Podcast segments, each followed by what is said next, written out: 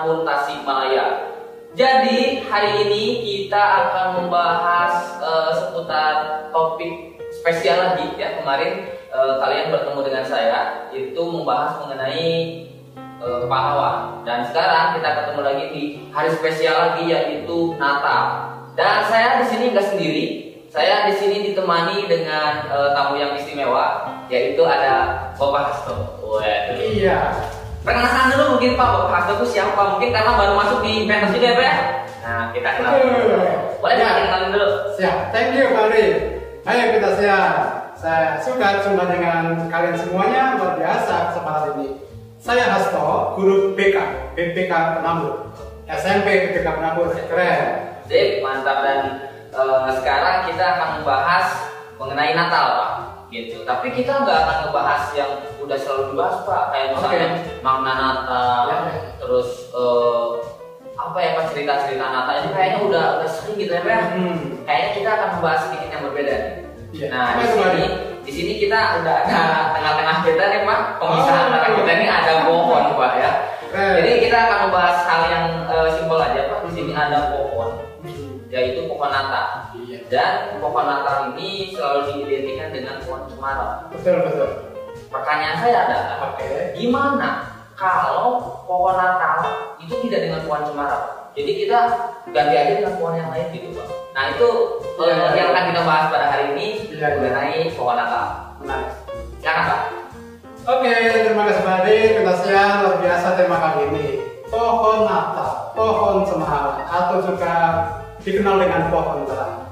Saya rasa ini menjadi sesuatu yang eh, penting terintegrasi dalam ibadah dan terkhusus dalam ibadah eh, Natal gitu ya. Hmm, betul. Dan bahwa sebenarnya ini pohon Natal atau pohon terang dalam tradisi awal itu tidak ada hubungannya dengan kekristenan tadi. Hmm, berarti ini bukan Iya. ada unsur agamanya sebenarnya. Betul. Oke. Iya. Itu baru muncul nih ya, baru muncul di sekitar abad 16. Ah, Dan ketika kita lihat historisnya ya terkait dengan satu tokoh yang kemudian boleh dibilang memperkenalkan lah ya, Ya. tentang tradisi pohon Natal atau pohon terang ini. Nah kita kenal dengan tokoh reformasi gereja, sang reformator gereja, Hmm. yaitu Martin Luther. Martin Itu, Luther. betul. Nanti di sini ada gambarnya. Oke, jadi itu. Jadi eh, sepintas ini sekilas historisnya lagi dan kita siang semuanya bahwa suatu waktu eh, di malam hari sang eh, tokoh gereja ini sedang berjalan eh, malam hari dan dia melihat bintang di langit dan kemudian sinarnya itu men- menerawang dan di sela-sela pohon pinus. Oke. Iya, itu dia. Dan kemudian dia lantas melihat bahwa keindahan luar biasa, keindahan alam yang luar biasa. Lantas dia berpikir bagaimana caranya untuk membawa pohon itu ke dalam rumahnya. Hmm. Maka dia membawa menebang pohon itu dan membawa ke rumahnya. Dan menariknya adalah bahwa bintang-bintang itu dia ganti dengan lilin. Jadi untuk mengganti sinar eh, sinar apa bintang itu Oke. itu sedikit historisnya. Nah dari situ kemudian uh, terpopulerkan lagi ketika imigran Jerman ini ke Inggris dan Inggris lah mulai disebut bagaimana pohon cemara atau pohon Natal atau pohon terang ini menjadi populer dan hingga mendunia sampai saat ini. Oke. Ini sepintas historisnya tadi. Hmm. Ya. Berarti itu ada memang sebenarnya eh, lebih ke budaya ya Pak ya? Betul sekali. Oke, Dan berikut tadi dengan eh, kenapa dan itu menyambung kenapa itu ada eh, kerap kerlip hiasan itu merupakan dari apa ya mengganti bintang Itu representasi dari bintang. Cahaya-cahaya gitu. Tapi dah Oke, itu sedikit mengenai historisnya ya Pak ya Hmm. dari dulu. Mungkin itu dari Eropa ya Pak ya, jelas eh, dan itu ke bawah ke Indonesia salah satu. Iya. Nah, namun eh, itu kan merupakan eh, simbolis saja ya Pak ya, Hmm. yang memang kebetulan di sana adanya di pohon pinus tadi. Eh, atau dengan juga dengan pohon cemara. Iya. Nah kan di sini kurang banyak nih Pak pohon cemara gitu. Apakah kalau misalnya kita ganti dengan pohon bambu misalnya gitu atau pohon yang lain itu akan merusak esensinya atau enggak? Oke, satu pertanyaan yang menarik ini Finasian dan Mbak ya.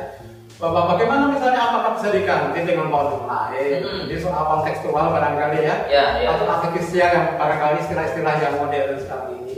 saya pikir itu nggak masalah ya. Jadi bahwa ini kan sebuah simbol bahkan ya pohon ya.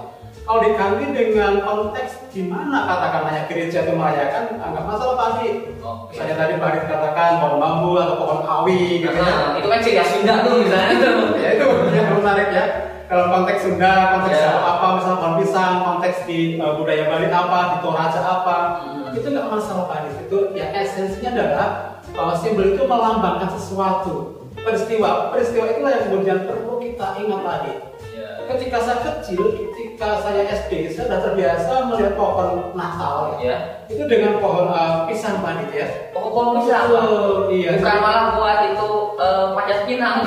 panjat pinang versi mini itu biasanya. Saya malah berpikir apakah itu kok bisa diganti dengan pohon pisang atau pohon Ah. lain. Tapi ini saya rasa menarik sekali, apalagi menyangkut masalah ekologi juga Pak.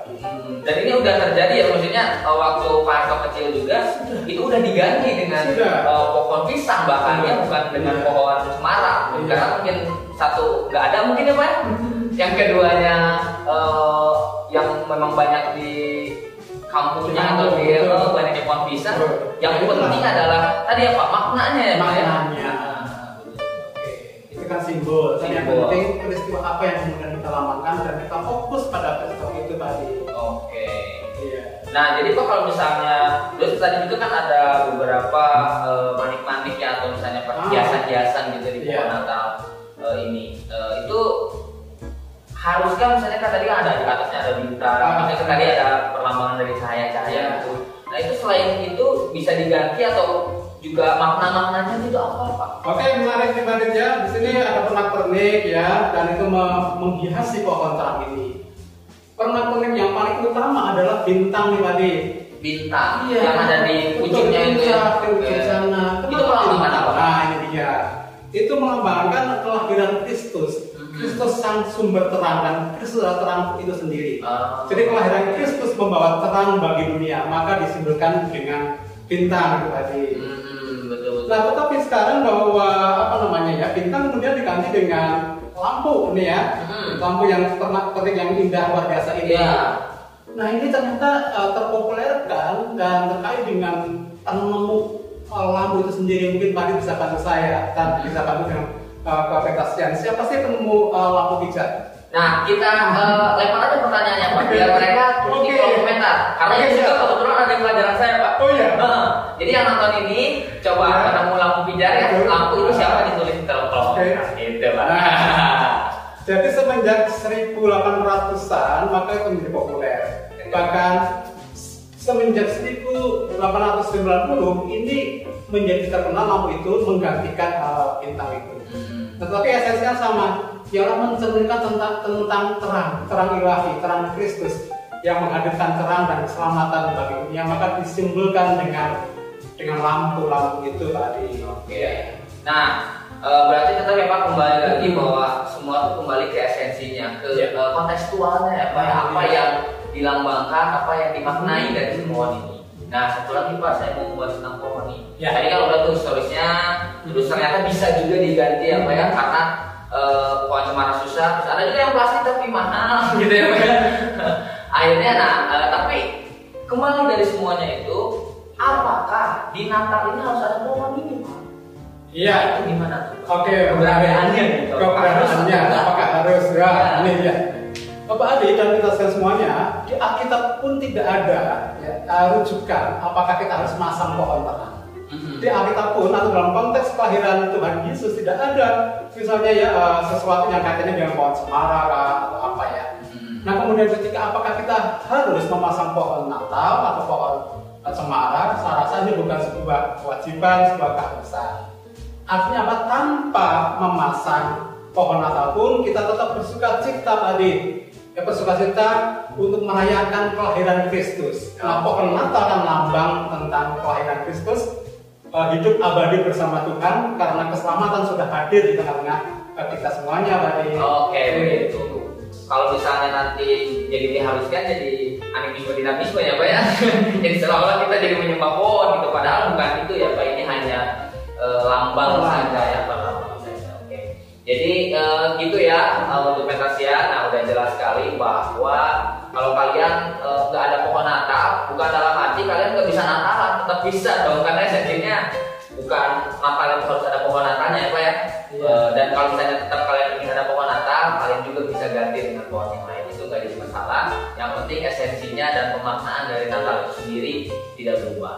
Nah mungkin Pak Hmm. eh, untuk Natal di tahun ini, nah apakah ada pesan untuk Pentasian dan seluruh boleh disampaikan Pak pesan? Oke, Pak Ade dan penasihat, mari ke perbincangan hari ini. Kalau tadi dikatakan bahwa pohon Natal bukan menjadi keharusan, itu lebih kepada sebuah menambah sukacita, ya, menambah kegembiraan. Bagaimana kita mengingat tentang Kristus yang lahir bagi kita semuanya. Dan ketika kita, memasang pohon Natal itu sebagai sebuah hal yang sekunder katakanlah ya, jangan sampai fokus pada pohon itu, pa- pada aksesoris itu, tapi fokus pada apa? Pada Allah, pada Tuhan kita Yesus Kristus. Sebagaimana pohon Natal atau pohon larang, bentuknya menarik kan, bentuknya segitiga gitu ya.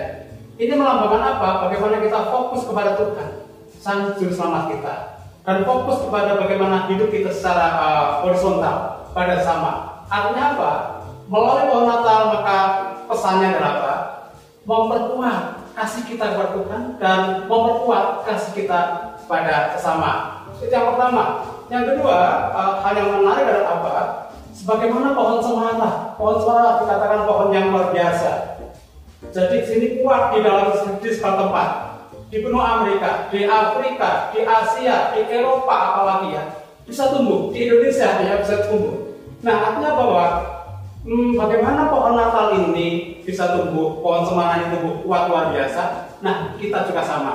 Di berbagai tempat, di berbagai situasi kita mesti tumbuh kuat. Iman kita mesti tumbuh kuat. Kita tahan terhadap goncangan, godaan, dan uh, survive dalam setiap keadaan. Dan perlulah bagaimana kita membangun sikap iman.